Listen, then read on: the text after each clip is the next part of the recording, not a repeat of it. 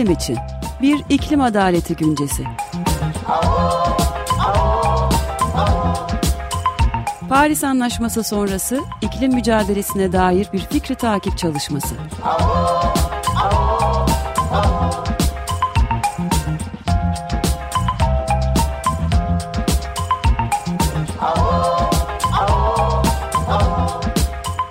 Hazırlayan ve sunanlar Yücel Sönmez, Ömer Madra ve Özdeş Özbay.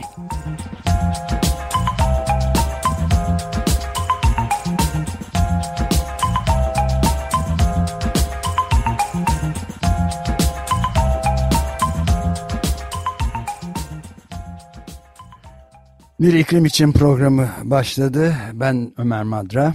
Ben Özdeş Özbay. Yücel bağlanamadı henüz. Bugün aramızda değil. Yücel Sönmez ama dinleyicim, destekçimiz Burcu Arıkan'a teşekkür ederek başlayalım. İklim konusunda çok e, vahim dünya çapındaki gelişmelerden Açık Gazete'de sık sık bahsetme imkanı e, buluyoruz. Büyük bir e, sıcak dalgasının hüküm sürmekte olduğu yani dünyadaki en sıcak Şubat ayının da gelmekte olduğuna dair araştırmalar da devam ediyor. Ayrıca Üstelik bugün, de 2 derecenin üzerine çıkabilir. Evet çıkabilir. Çok, Endüstri çok vahim dönemi öncesiyle gelişmeler var. Türkiye'de de e, Diken gazetesinde, internet gazetesinde son 53 yılın en sıcak Ocak ayının yaşandığı haberi vardı. Bu da e, Çevre ve Şehircilik ve İklim Değişikliği Bakanlığı Meteoroloji Genel Müdürlüğü verilerine göre. Yani ortalama sıcaklıklar 2024'te Ocak'ta pek çok ilde e, rekor kırmış durumda. E, mevsim normalleri civarında pek çok e, bölgelerde de mevsim normallerinin üzerinde ölçülmüş. Yani e, bayağı kaygı verici rakamlar da var. Türkiye'de 1991-2020 normalleri 2,9 2023'te ise 5,3 2024'te 5,7 görülüyor ortalamanın üzerinde. Bu çok ciddi değil mi? E, evet kesinlikle 91-2020 e, yılları arasında 2,9 derece e, olması e, yani olarak ölçülmüş 2,9 derece. Şimdi 5,7 derece yani ortalamanın 3 derece üzerinde. Yani şu anda Mayıs ayından bu yana sürekli olarak dünya hatta 2023'ün tamamında 1,5 derece daha yüksek e, ortalamayla devam etmişti. Biz Türkiye'de Ocak ayının neredeyse 3 derece e, ortalamanın evet, üzerine çıktığına şahit oluyoruz. 2,8 gibi bir artış var yani ki hakikaten 2023'e evet. göre bile yarım derecelik bir artış gözüküyor neredeyse. Üstelik de tabii Ocak ayı olduğu için birçok yerde çok ciddi soğuklar da yaşandı Türkiye'de. Mesela en düşük sıcaklık Ocak ayı içerisinde Ardahan'da yaşanmış. Eksi 31,3 derece. Buna rağmen e, 2,8 derece ortalamanın üzerinde bir ortalama var Türkiye genelinde. Evet yani Güneydoğu Anadolu bölgesinde de ortalama sıcaklıklar e, bölgenin genelinde mevsim normallerinin üzerinde gerçekleşmiş. Yani e, o da çok çarpıcı bir veri bulgu. Ee, Güneydoğu Anadolu bölgesinde 4,6 derece santigrat olan uzun yıllar ortalama sıcaklığı Ocak'ta 7,1 derece olarak kayda geçmiş. 4,6'dan 7,1'e geçiyor. Bölgede en düşük sıcaklık sıfırın altında 4,4 dereceyle Diyarbakır'da en yüksek sıcaklıksa 18,8 dereceyle Ceylanpınar'da tespit edilmiş. Çok e, ürkütücü açıklamalar ve tespit rakamlar bunlar. E, devam ediyor. Ayrıca mesela e, dünya genelinde de işte e, dünya çapındaki aşırı sıcaklıklar ortalamasını ölçen Maximiliano Herrera'nın internet hesabından yani şey e, X hesabından veriler de e, dünyanın dört bir tarafında rekorların kırıldığını da ortaya koyuyor doğrusu. Böyle bir durumla karşı karşıyayız ve son haberlerde de Avustralya'dan da e, gelen çok ciddi e, rekorlar ard arda Batı Avustralya'dan art arda 7 gün boyunca 40 derece olduğunu gösteren görülmemiş boyutta sıcaklık haberleriyle de beraberiz. Yani çok kaygı verici bir küresel iklim değişikliği konusunda yıkım haberlerine de yer veriyoruz. Paris Anlaşması'nın izinde derken böyle bir durum var. Yücel bu arada hoş geldin. Herkese merhabalar. Biraz geç Selamlar. bağlanabildim. Kusura bakmayın. Anca gelebildim. Tamam hoş geldin. Biz de başladık. Türkiye'deki son 53 yılın en sıcak Ocak Evet. ayından bahsediyorduk. Oradan da e, bir de önemli bir başka haberden bahsedebiliriz. E, Gene e, Marmaris Milli Parkı'nın yanına taş ocağı projesi diye bir habere rastladık. Bu da artı gerçekten. Yani e, Çevre Şehircilik ve İklim Değişikliği Bakanlığı Muğla'nın Marmaris ilçesinde Milli Park'a yarım kilometre 573 metre mesafede açılmak istenen bir mermer ocağı. Daha mermer ocağı mermer tozu taşıyan geminin batması ve altı mürettebatında bu- bulunamadığı haberiyle uğraşırken mermerciliğin de özellikle Marmara bölgesinde Ali Bilge ile de dün birazcık konuşuyorduk. Çok büyük yıkıma sebep olduğunu e, söylerken bir de yeni haber daha şimdi. Datça Agrega Beton isimli şirket Marmaris'in Beldibi mahallesi sınırlarında 21 hektarlık bir alanda mermer ocağı kurmak için girişim başlatmış. Yani bir buçuk milyon, 1 milyon 582 bin liralık bir projeymiş bu. Yılda 150 bin metreküp mermer çıkarmayı hedefleyen şirket projenin ömrünün en az 37 yıl olacağını belirtmiş.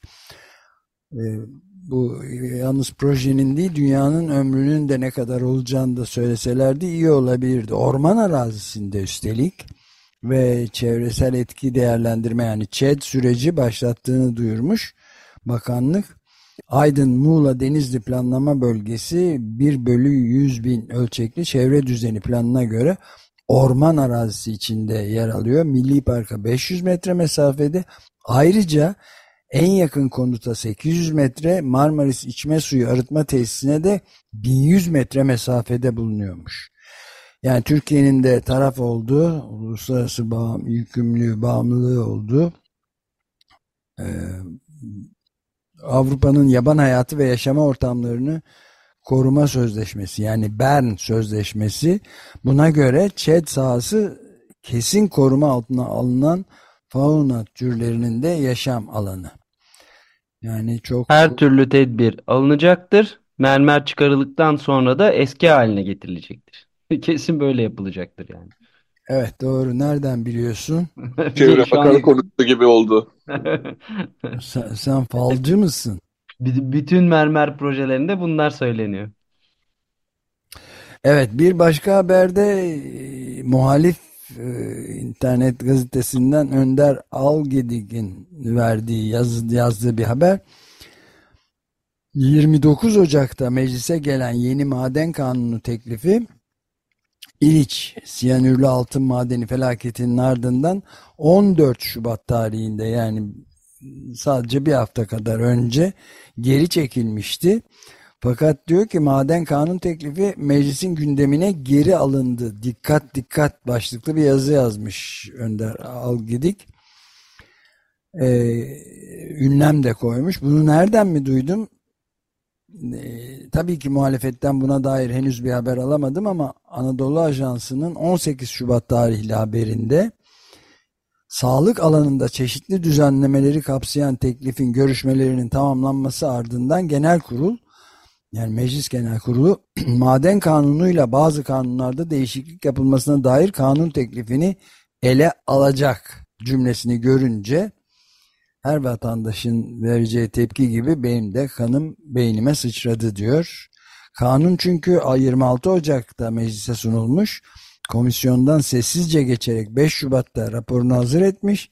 Genel kurula doğru yola çıkınca birden 13 Şubat'ta İliç olayı patlak verince muhalefetin de konuyu halka anlatmamasını fırsat bilerek 14 Şubat'ta geri çekebilmişti. Böyle bir teklifin varlığını iktidar geri çekince kamuoyu duydu diyor. Ve e, bayağı e, önemli bir şeyden bahsediyor. Üzerinde mücadele edilmesi e, gereken bir şey. E, ve bir not yani Cyanure Gate 2.0 ikinci versiyon diyor yani. İliç'in ardından daha bir hafta geçmeden Meclis Genel Kurulu'na tekrar getirilmesi ve hala muhalefetin bu kanunun halka anlat e, muhalefetin bu kanunu halka anlatmaması bize yeni bir skandal olarak geri dönüyor demiş.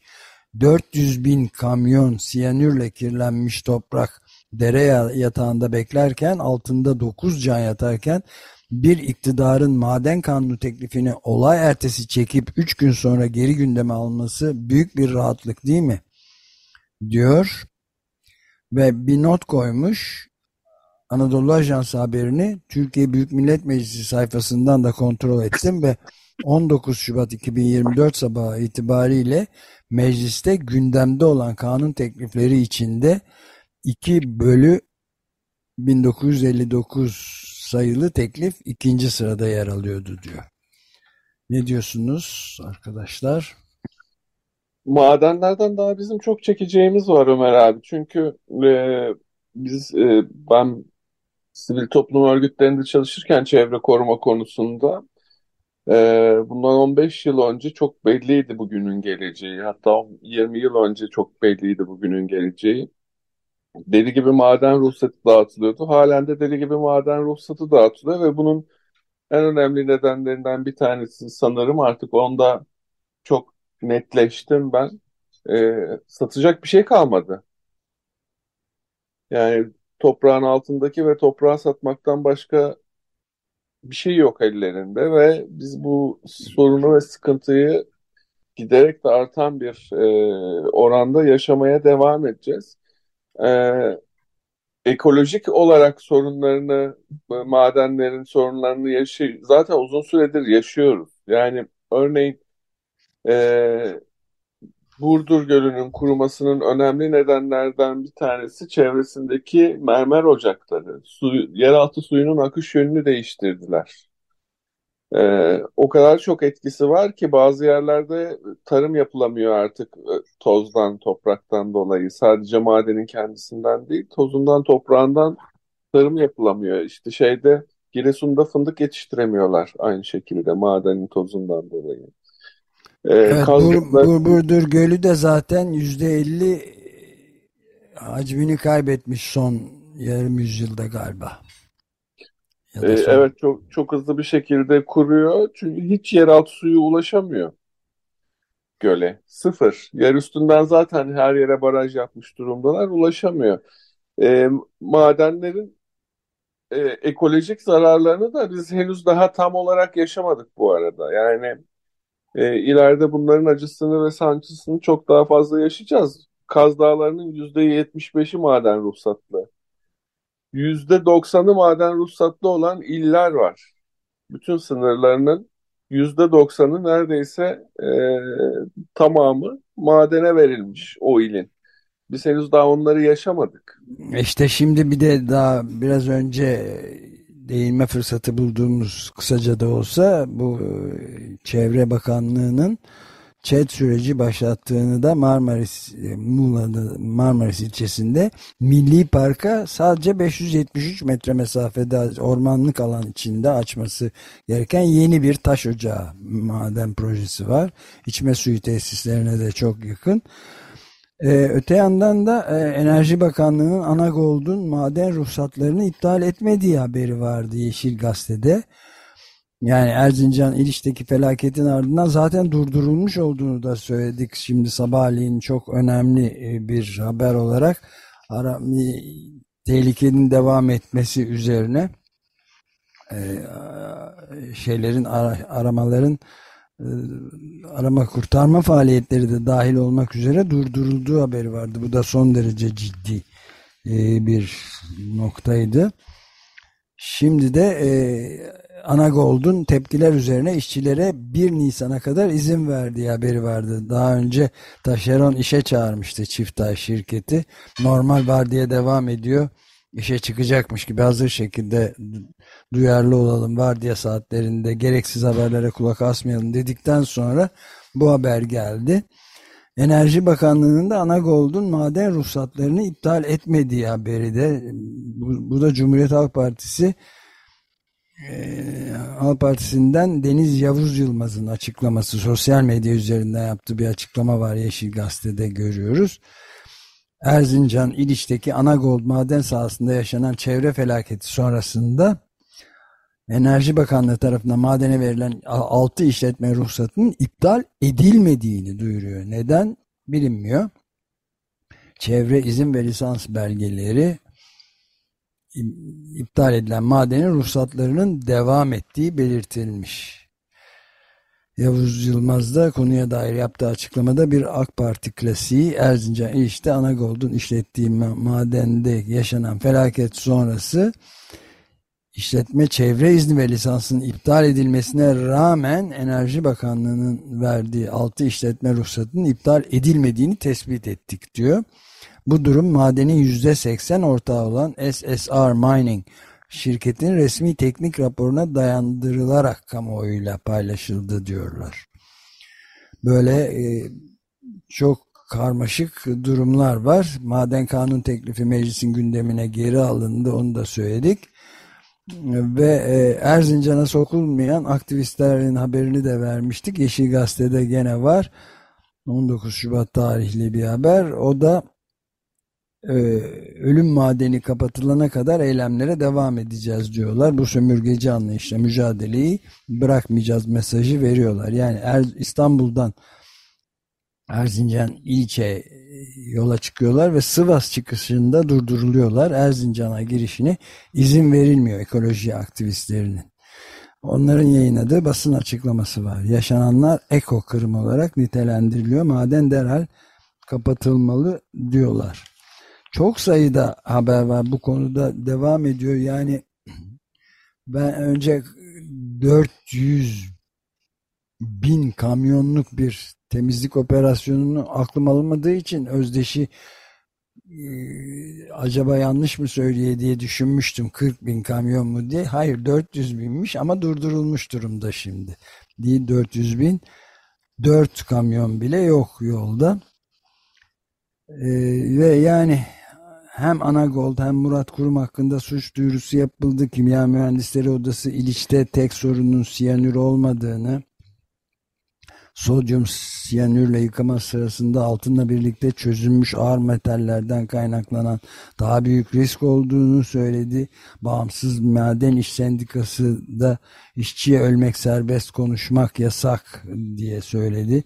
Tema Vakfı e, Türkiye'de vahşi madencilik sonlandırılsın diye açıklamalar yaptı. Türkçe Türkiye Çevre Platformu iktidarın madencilik politikası 400 bin kamyon siyanürlü toprağın altında kaldı de, diye bir açıklama yaptı. Yani e, bütün vahametiyle olayın devam ettiği ve artmakta olduğunu da şimdi daha 9 kişinin yer altında olduğu şeyde yok. E, herhangi bir açıklama gelmiyor ve durduruldu şimdi aramalarda. Ne olacağını bilmiyoruz. Bir iki kelimeyle de şeye değinelim yani e, Erzincan İş'teki bu çöpler altın madenindeki facia ile ilgili olarak 32 e, yıldır çevre alanında çalışan avukat Arif Ali Cangı'ya konuşacaktık bugün ama mümkün olamadı maalesef.